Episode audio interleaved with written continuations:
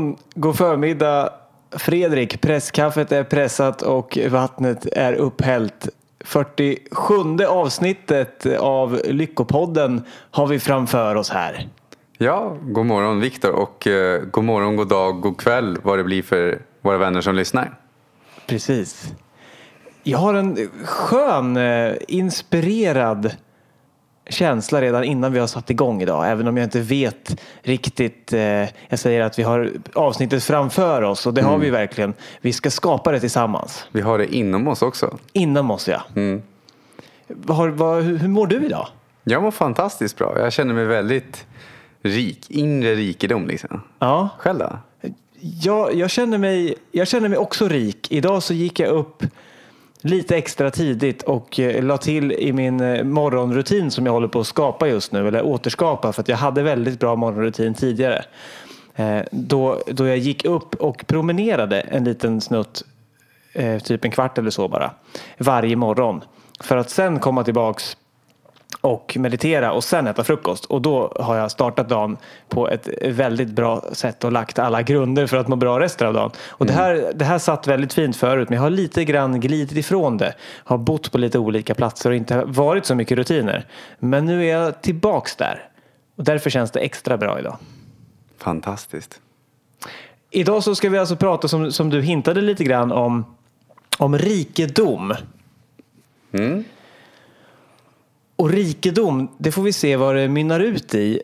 Hur vi definierar rikedom när vi börjar det här programmet och hur vi pratar om det när vi avslutar det här programmet. Men rikedom kan ju vara himla mycket. En snabb koppling jag har spontant, det är ju pengar. Ja. Men det finns fler. Vad tänker du på spontant? Det första du får höra om det kommer någon på stan. Du vet i Skavlan då har de en, han reportern Niklas som är skön som ställer så här, ställer, ställer folk. Det är det han gör med sina frågor. han ställer frågor och så frågar han dem vad som helst så här. Tycker du om att kyssas? Eller något sånt. Och de blir helt paffa. Om någon säger bara så, vad är rikedom för dig? Det är att kunna styra sitt sinne till de mål man önskar. Och det kommer i grund och botten från varför jag säger så är. Det har inte alltid varit så för mig. Jag började studera till exempel Bob Proctor och Napoleon Hill. Uh, och det väckte ett helt annat intresse för mig. För att jag trodde också att jag hade brist på pengar en gång i tiden. Men så insåg jag den inre rikedomen är ju, kommer från våra tankar. Uh, jag tror till och med att de har ju en text som de säger, alltså Napoleon Hill, han säger den på engelska då. Men då säger han så att O divine providence, I ask not for more riches, but more wisdom with which to make wiser use of the riches you gave me at birth, consisting in the power to control and direct my own mind to wherever, whatever ends I might desire. Just det, den att kunna styra sig själv med visdom är rikedom enligt den definitionen kan man säga. Ja. Och de går igenom då att vi blir rika. Vår inre rikedom kommer från våra tankar. Känner vi rädslor, alltså att det är brist eller att vi har för lite av någonting. Och det spelar ingen roll om det är relationer med andra människor, oss själva, om det är fysiska saker. Så den, alltså det grundar sig i våra tankar. Och de kallar ju det poverty consciousness. Uh, jag vet inte vad det blir, fattigdomsmedvetande. Och att vissa har tur och föds med det. Men de flesta så är det någonting de behöver träna upp under sitt liv. Rikedomsmedvetande då snarare. Alltså om man har tur ja. ja. Och föds med det. Uh, och rikedomsmedvetandet handlar om rike, den inre rikedomen. Rikedomen att kunna kontrollera sina tankar. Uh, Dalai Lama till exempel har ju en otrolig inre rikedom. Uh, jag satt och lyssnade på i morse nu innan det gick medan jag höll på att tända ljus och vattna blommorna här. Ja, det är väldigt trevligt här. Du, har gjort en liten, vad ska vi kalla den, en, en bänk eller hylla med, med tända ljus och gröna växter som, som lyfter upp hemmet ett extra hack här. Det är inspiration från flickvännen faktiskt. Hon är väldigt duktig på det där. Eh, men då berättade hon att hon hade umgåtts med Dalai Lama på något event. Så hon har suttit- Flickvännen? Din flickvän? Ja, men ja, här- Det kanske hon har, det vet jag inte om i alla fall. Men den här kvinnan då. Och då hade hon fått turen att sitta bredvid Dalai Lama under det här eventet i fem, som pågick i fem dagar och pra, ja, prata med honom. Då. Bra plats. Ja, den skulle jag faktiskt vilja ha. Ja, jag med. Men då hade det varit så att trots att allt befolkningen hade utsatts för där han bodde och även hans själv, hur de berövats så kände inte han minsta lilla irritation eller ilska eller någonting mot trots alla hemskheter som man kan kalla det som har hänt. När, när Kina, utan att göra den historien för lång och komplicerad och riskera att ha fel, men, men Kinas invasion av, av Tibet som Ja. gjorde att bland annat han och en massa tibetaner då helt enkelt fick eh, fly landet och han lever ju inte i Tibet längre. Mm. Och de förstörde ju många, det heter inte kloster, vad heter det? Det heter, Jag tror att man nog kan kalla det kloster också Ja. och religiösa byggnader. Ja, precis. Ja, men det, kan var ju där munkarna bodde också. Men att han kämpade för att skapa ett nytt rikt land med frihet. Men han gjorde det med attityden av hundraprocentig förlåtelse. Förstår att han, så att, och det är där som den inre rikedomen kommer i att han är ju lycklig under tiden han bygger upp det. Och jag tror det är också så vi kan skapa ett, en rik värld där det inte finns brist. När, för om vi fokuserar på skulder och skam och, eh, och att vi andra ska, måste göra saker frå, mot oss eller för att vi ska bli lyckliga. Då bygger ju vi vår nya framtid utifrån det. Ja, just att vi väntar oss att få tillbaka exempelvis att vi gjorde det här för din familj när du var liten Ja, och nu eller så här, jag gjorde det här för dig min son när, när, när du växte upp och nu är jag gammal då vill jag att du ska för annars är det orättvist. ja.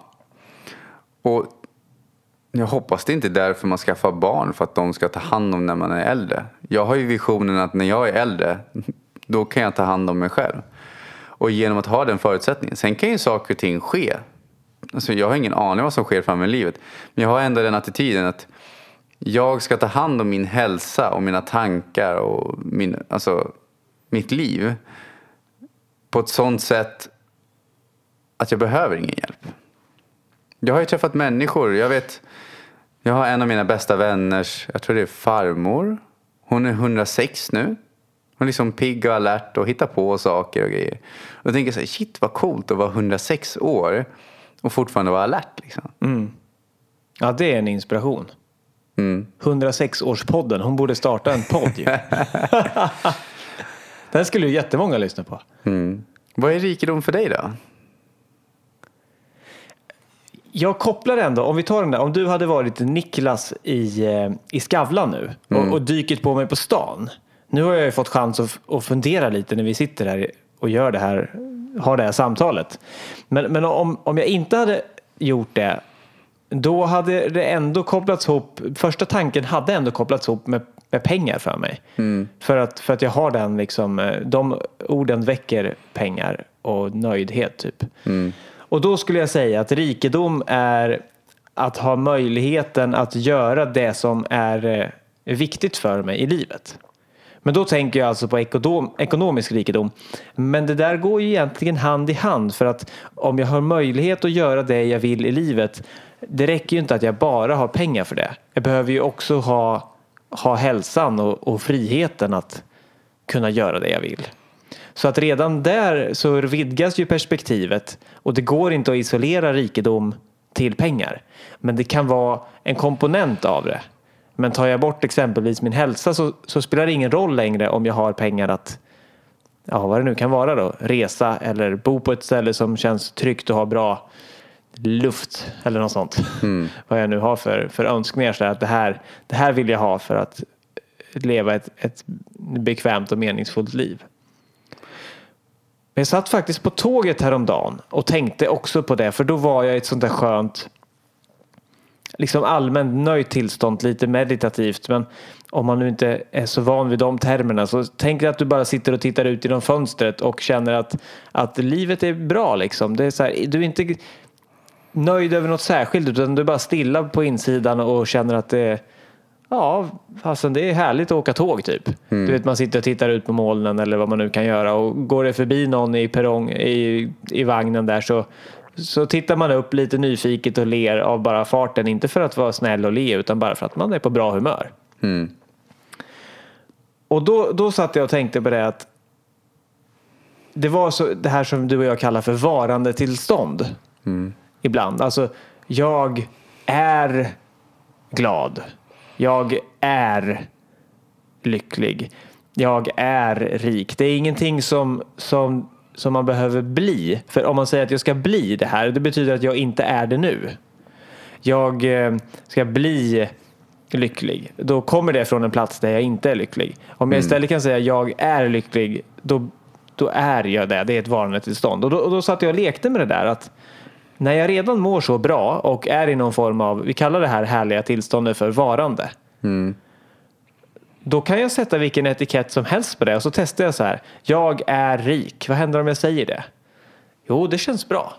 Det, jag är rik. Eh, Jag är framgångsrik. Ja, jo, om jag säger det så är jag ju det. Jag är lycklig. Ja, om jag säger det så är det. Det var som att jag testade olika sådana här etiketter och kom fram till att vad jag än testar för etikett så är det samma sak och det är någon sorts tillfredsställdhet, livstillfredsställdhet. Och det är den tror jag som, som jag, när jag inte har den, längtar till. Och så kan jag När du tro, inte har den längtar till, ja, alltså när, jag in, när jag inte är i den nöjdheten så att jag sitter ute och bara ler och tycker att livet är allmänt bra utan någon särskild anledning. Mm. Om jag är frustrerad eller stressad eller så, då tror jag att det är det tillståndet, tillståndet av nöjdhet. Eller inre frid som vi kallar det ibland. Jag tror att det är det som jag längtar efter. Men, men då kan jag tro, alltså illusionen kan då säga till mig att om jag bara hade pengar så jag kunde göra det där. Eller om jag bara hade om det bara var fint väder eller om det bara vore sommar så jag kunde åka till havet eller om, om jag bara slapp och åka och handla och istället kunde sätta mig på en, en mysig restaurang utan att behöva fundera på vilken jag ska välja. Alltså om jag bara kunde det här att jag är ett steg ifrån det, till, det tillstånd som jag vill vara i. Att, att då rikedom och lycka och allt det där är samma sak. Att det är tillståndet av nöjdhet. Och då, då, när jag väl är där så behöver jag ju varken pengar eller yttre framgång. För, för när jag tror att jag behöver det så är det ju för att känna det jag redan känner i det här bastillståndet. Hänger du med hur jag menar?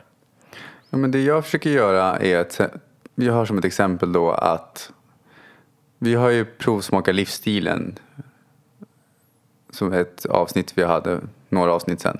Jag kommer inte ihåg hur många. Men det jag brukar fokusera på är ju att testa massa saker och upptäcka vilken känsla ger mig det här.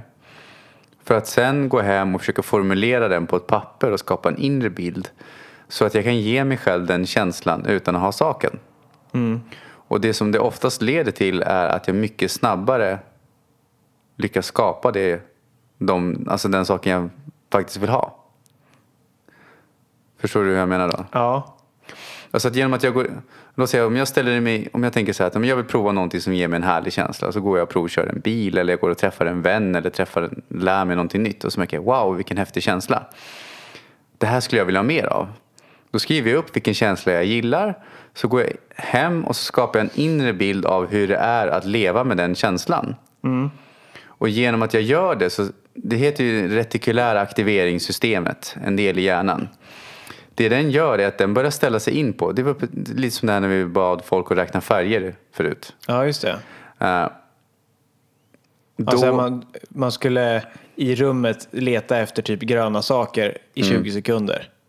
Och sen så efter de 20 sekunderna skulle man tala om hur många gröna saker såg du? Och så säger jag, jag såg sju. Mm. Och då frågar du, hur många blåa saker såg du? Och så bara, oj shit, det har jag inte kollat efter. En kanske. Ja. Och då är det så att man ser det man ställer in sig på att vilja se. Det man letar efter. Och det häftiga med det undermedvetna som styr 95 procent av de flestas beslut är att om du fokuserar på en känsla regelbundet då börjar det undermedvetna leta reda på den åt dig. Mm, just det. Du behöver inte ens göra. Alltså det, I början är det ett aktivt jobb men till slut så blir det som en vana. Till slut kommer man hitta gröna saker överallt. Ja. Och det är likadant som att om jag, till exempel i början när man var jätteliten, kommer inte ens ihåg hur processen var att lära sig borsta tänderna. Men det var ju inte uppenbart att ha vanan att borsta tänderna när man föddes. Det är ju någonting som vi har lärt oss. Men där kan man även lära sig att känna, att leta efter kärlek och visdom och saker som inspirerar en. Men ett av de bästa sätten att göra det är genom att ge sig själv, hit, alltså använda olika tekniker för att ge sig själv den känslan redan nu. Jag har en sån med rikedom just. Mm. Äh, Då får halka jag tillbaka till att det handlar om pengar då. Men, Men det är men okej. det gör ju det alltså, också. Pengar är ju ett verktyg som vi kan använda för att förverkliga saker. Ja. Hur som helst, när, när jag tar fram mitt kontokort Mm. och betalar i affären. Förut så kunde jag tycka att alltså jag har varit, jag har alltid haft bra ekonomi. Och jag har haft bra ekonomi och nu ska jag säga på bekostnad av att jag har, vad ska man säga, på bekostnad av min sparsamhet. Alltså, tack vare min sparsamhet, skulle jag, det var vad jag höll jag på att säga. Men det har ett pris att vara sparsam. Det har en viss snålhet mot mig själv och andra. Har det kostat att, att eh, skapa en, en stor hög med pengar som jag till stor del fortfarande idag har nytta av. Eh, så att när jag ska köpa någonting så om jag har köpt någonting som, som känns så här, det här har jag längtat efter och det här är jätteviktigt för mig. Då känns det bra vad det än kostar i princip. Och då vet jag, jag har tagit sådana här rationella, över, väl övervägda beslut när jag har köpt stora saker. Men små, små utgifter har känts liksom onödiga. Då har jag tänkt så här, ja, men de här 25 kronorna de hade jag kunnat sparat istället och köpt aktier för som sen hade gått upp i värde. Och Jag hade inte tänkt att äta ute idag och nu får jag betala 110 spänn för en lunch som jag inte egentligen vill äta bara för att jag inte hann fixa en matlåda hemma. Typ så. Så att då har det för, varit förknippat med, med någon sorts eh, lite jobbigt. Det, hur är det man säger? Det är något uttryck sådär att det svider i snåltarmen när man betalar något som man inte vill betala. Men då har jag gjort om det och eh, visualiserat hur jag, eh, jag började med att visualisera och sen tog jag det här ut i, i handling. Varje gång som jag trycker in koden på kortläsaren och betalar i affären så konstaterar jag att ännu en gång så kan jag betala det som jag behöver och vill köpa. Så att det blir som en rikedomsping liksom. Bing! Jag är fortfarande rik. Tacksamhet. Ännu en gång så har jag kunnat använda mitt lilla plastkort och köpt det jag behöver. Jag har ju vilken möjlighet, vilken tacksamhet. Så det där har blivit som en, en, eh, en vana nu. Det går inte en enda gång utan att, att jag tänker det. Jag drar upp kortet utan att tänka men sen så fort jag ska slå koden så är det så här, just det. Och sen så står det köp godkänt eller något sånt där. Så bara, jaha, jag har precis det jag behöver. Det är en sån liksom liten, liten trigger eller så som återkommer och påminner om att jag är ju rik. Och jag har de pengarna jag behöver. Där tänker jag på de underbara fönsterkuverten. Vad är fönsterkuvert? Det låter som något man skickar på posten. Ja, posten. Nej, Ja, fönsterkuvert ja. Sådana ja. Ja, Just det. Jag kommer ihåg när jag växte upp. Då var det här, ja, så har jag fått höra av omgivningen då liksom att ja, man får inte ens vykort längre, det är bara de här jäkla fönsterkuverten. Ja. Men jag har idag en helt annan syn på de här fönsterkuverten. Det är mer när de kommer. Räkningar då? Ja, räkningar man. ja, precis. Ja. Det är därför, ja. Istället för vykort så är det ju fönsterkuvert. Det brukar ju oftast vara räkningar. ja. Men det jag skiljer på idag när jag får ett sånt kuvert, det är så här, gud vad skönt att elräkningen kommer. Tack! Det här är ett bevis för mig att jag har haft el under en period. Vad skönt det är att kunna ha värme i lägenheten och ha liksom lamporna kan vara tända och känna istället, istället för att bli arg på räkningen, vara tacksam för vad är det jag betalar för? Vad har det gett mig? Just det. Och här kommer vi in på pengar då. Pengar går ju att använda på väldigt många olika sätt. Du, jag ser det mer som ett verktyg. Det är varken ont eller gott. Det finns, när en människa lever baserat på brist så tror ju den personen att den behöver utnyttja, stjäla och alla de här grejerna för att på ett oschysst sätt få till sig de pengarna. Men det jag tänker på är genom att studera de här områdena så lär, jag, lär, jag, alltså, lär man sig, eller jag lärde mig i alla fall mer och mer då att den inre rikedomen gör att jag kan skapa. Och ett av de bästa sätten att få i livet är att ge. En av de största gåvorna i livet är att ge. Jag inspireras väldigt mycket av min mamma. För under min uppväxt när jag var liten så hade hon det väldigt tufft. Hon fick cancer. Ehm, och jag tror det var innan eller efter det, nu blandar jag ihop åren, så fick hon ansiktsförlamning. Och när, under den, när den höll på att gå över så trillade hon och bröt armen. Så hon var liksom regel, hon var ju sjukskriven under många, många år under min uppväxt. Men det fantastiska som jag tyckte då var att hon såg alltid till och älskade att ge. Jag kommer ihåg att vi hade en granne som hade prioritering att för sina sista kronor så gick hon, lämnade hon barnen hemma och så gick hon ner till krogen och tog, drack öl. Istället för att köpa liksom frukost till barnen. Och min mamma, trots att hon hade det så fattigt, det är varken ont eller gott, såg hon till att hon, trots sin begränsade ekonomi som hon hade då, gick och köpte frukost till de här barnen och även gick dit och serverade till dem. Mm.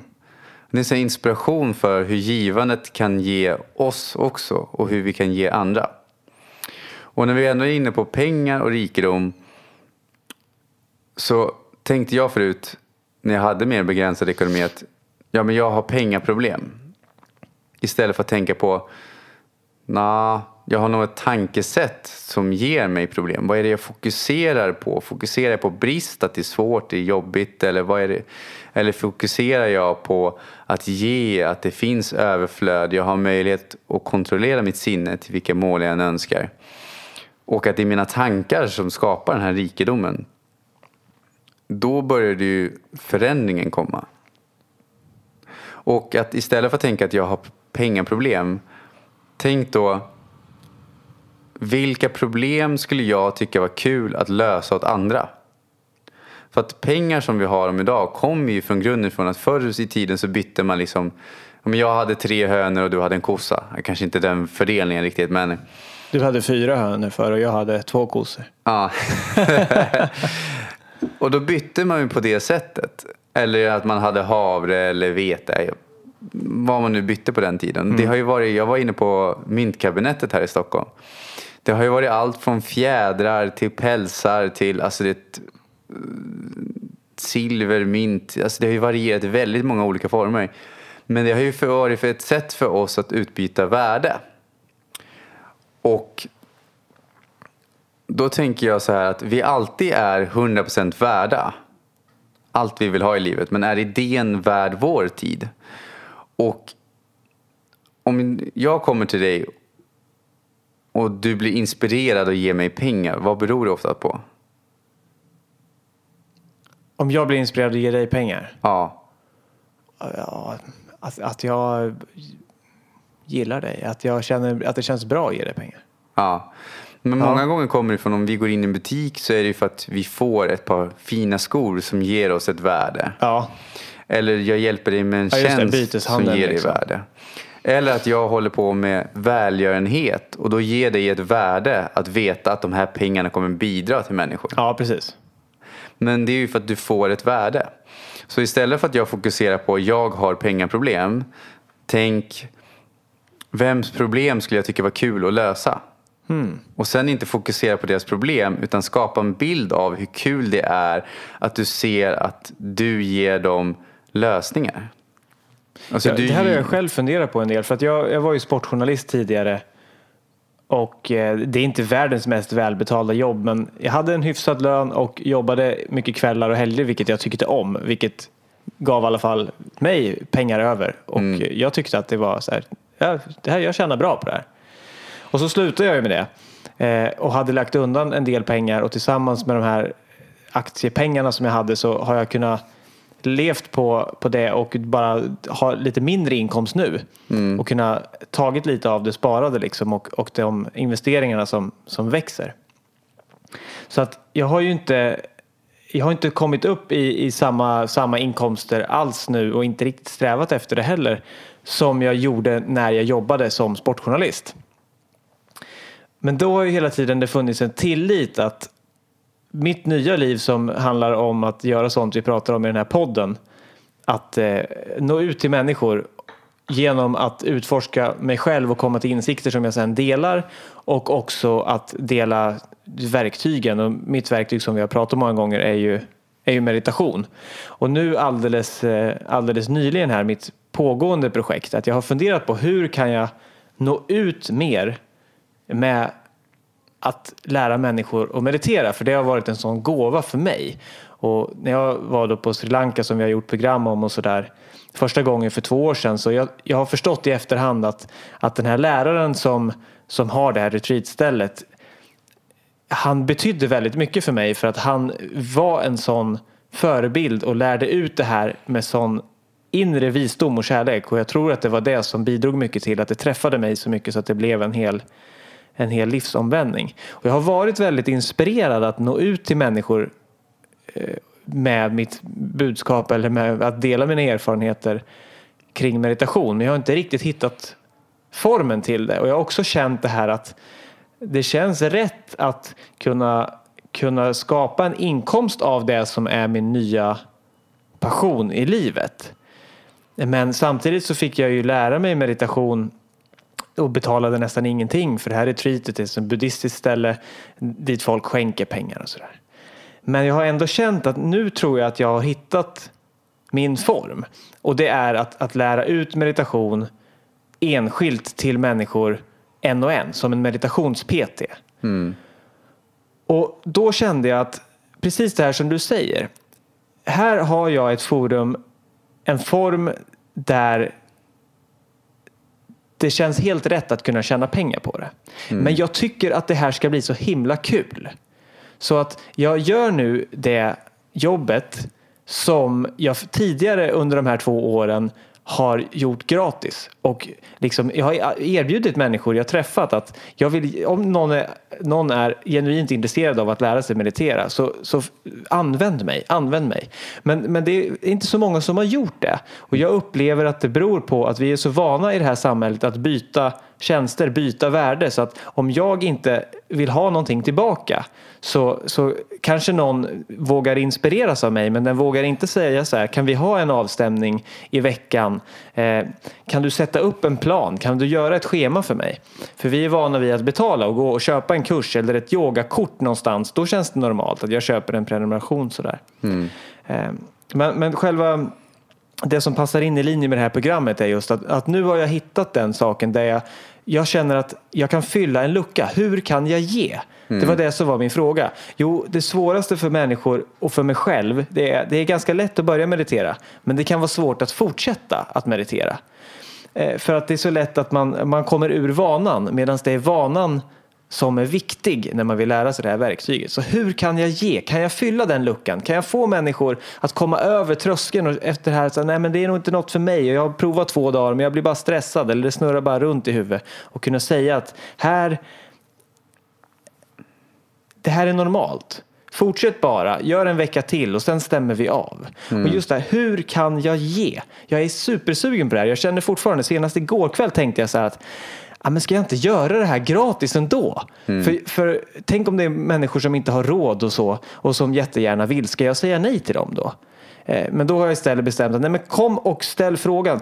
Boka ett möte så kan vi, om, du, om ekonomin verkligen inte tillåter, då kan vi säkert göra någon deal ändå. Men, men det, att fokusera på hur kan jag ge?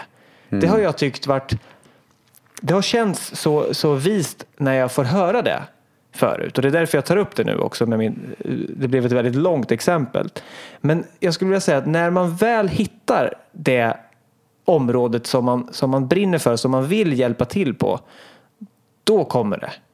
Så jag, jag tror du också att vi alla människor kan hitta ett sätt där vi vill hjälpa till av inre drivkraft? Det tror jag. Och jag tror att om man inte känner så från början. Jag själv har ju varit när jag inte var där. Eh, Då började jag studera de naturlagar som finns. Inte de vi lär oss i biologin. Eller jag vet inte vad man lär sig naturlagar. Vad är det? Naturkunskapen är det. Ja, det kan det vara. Ja, fysikens lagar också. Men Ja. Eh, då började jag studera området kring inre rikedom. För att det var ju en del av processen att jag hade ju mentala föreställningar om vad det var och vad det inte var. Som i grund och botten ledde mig till ett beteende som gjorde att jag inte mådde bra. Och ett enkelt sätt att se på sitt liv, har jag föreställningar som inte är bra för mig. Eller som inte leder till rikedom, alltså inre rikedom. Men den inre rikedomen leder ju i sin tur till fysisk rikedom. Alltså den fysiska rikedomen är ju en projektion, en manifestation av den inre rikedomen. Ja, för, om- och då kan man säga att om, om vi verkligen mår bra på insidan då, då kommer vi dra till oss bra saker på utsidan också. Inre framgång skapar yttre framgång skulle vi kunna säga. Men det är ett problem när vi vänder på det, vilket vi ofta gör i samhället och tror att yttre framgång ger inre framgång. Och det behöver det inte alls göra. Därför kan man vara svinrik och ändå fattig. Precis. Och därför kan, alltså det här tycker jag är kul för att jag har träffat människor som ekonomiskt sett är fattiga men de känner sig rika. Jag har träffat människor som är ekonomiskt rika och som känner sig rika. Men likväl har jag träffat människor som är ekonomiskt fattiga som känner sig fattiga. Och jag har träffat människor som är rika som känner sig fattiga. Alltså, och då har jag kommit fram till att då är ju pengar ett verktyg för att kunna förverkliga saker. Och det är därför vi har delat upp det i, i två områden. Ena delen av lyckan är inre frid. Och den andra är vad vi gör. Men känner vi inre frid då är det också okej att misslyckas med vad man gör. Och det är egentligen det som är en del av lyckan. Då. Låt säga så här att om jag mår bra som person och så går jag ut och så misslyckas jag med någonting men jag har en eh, fridfull attityd, en inre rikedom där. Att det finns inte brist på det sättet. Då kan jag misslyckas hur mycket som helst. Det spelar ingen roll. Jag kommer inte må så mycket sämre för det. Det kan vara att vissa stunder kanske jag bara, åh gud, det här var inte vad jag ville. Men inte i närheten av lika långvarigt som det är för andra. Nej. Så, så fundamentet är egentligen inre framgång och då ger den yttre framgång. Och skulle den inte göra det i stunder eller så, eller det tar ett tag, så gör det inte så mycket för då har vi inre framgång. Det är som när jag satt på tåget där och var allmänt nöjd. Det andra spelade inte så stor roll då. Men det här vill jag lägga till då att vi behöver inte välja bort saker. Jag vet inte vart det kommer ifrån men vissa delar av samhället, i alla fall där jag kommer ifrån, var det då var det antingen så har jag bra relationer eller så har jag bra ekonomi. Antingen så är jag andligt utvecklad eller så har jag gott om pengar. Alltså det var alltid det här, det är antingen eller. Medans men Vi, vi, vi avfärdar det, vi avskaffar det en gång för alla nu tycker jag. Ja, för det kommer ju utifrån brist. Att det finns inte tillräckligt. Och vad är det? Om jag tar hand om min ekonomi så betyder det att jag ska vara, vara en dålig pappa. Alltså, nu har inte jag barnen, det kommer en vacker dag också. Men hur går det ihop? att Det är ju snarare så att om jag har en bra ekonomi, men då kan jag bjuda ut min flickvän på middagar. Vi kan hitta på saker tillsammans. Och sådana saker. Men den ekonomin kommer ju från en inre, rik, inre pengatrygghet. Och för att få den, om man inte har den, så går de igenom i Think and Grow Rich. Då behöver man ju fokusera på det området. Det är den här boken ja, som Ja. faktiskt ligger här framför oss. Ja, jag läser i den varje dag. Ja, Eh, För att hela tiden påminna mig själv och skapa nya tankar. Ehm, Det är helt enkelt, vi, vi behöver inte välja mellan inre och yttre framgång. Livet är värt både inre och yttre framgång. mm, Och därför så behöver vi titta på båda. Fortsätt gärna och sätta upp mål och dröm om och arbeta för yttre framgång. Kom också ihåg att titta på inre framgång för de ger varandra energi. De, de tillhör samma hjul som behöver sättas igång. Så kan vi väl se det.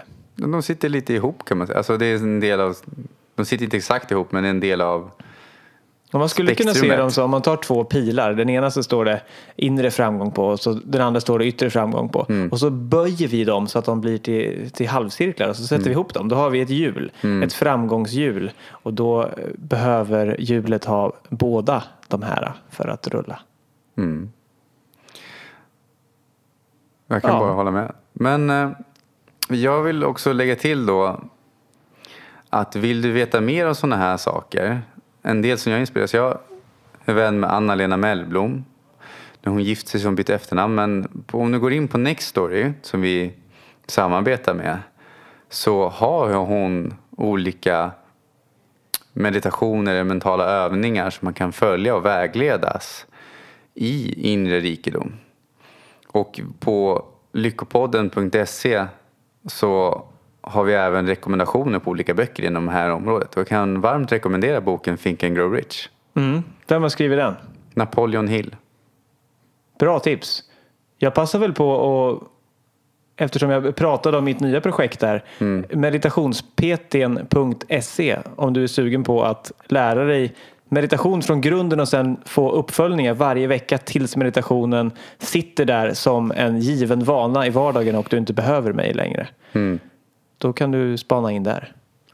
Och vill du ha coachning från mig så finns jag på lyckopodden.se. Ja, och där Där- finns vi ju båda. Där finns våra kontaktuppgifter. Och kanske du vill utveckla de områden som vi har pratat om idag till nästa steg. Eh, Men är det så att du vill ha, testa de här ljudböckerna på Nextory så, erbjud, så kan vi erbjuda en 30 dagars gratisperiod där du får lyssna på dem. Genom att du går in på lyckopodden.se tips. Och där har vi en länk. Klickar man på den så får man testa ljudböcker på Nextory i 30 dagar. Normalt är det 14 men man får 30 om man klickar på länken. Himla bra deal. Och där finns det ju massa bra. Mm. Och med det så får jag önska dig och alla våra vänner som lyssnar en otroligt rik dag. Ja, en rik dag på alla sätt. Ett rikligt tack för att ni lyssnar och för att ni tittar inåt och är intresserade av er själva. Tack för idag. Tack. Ha det gott.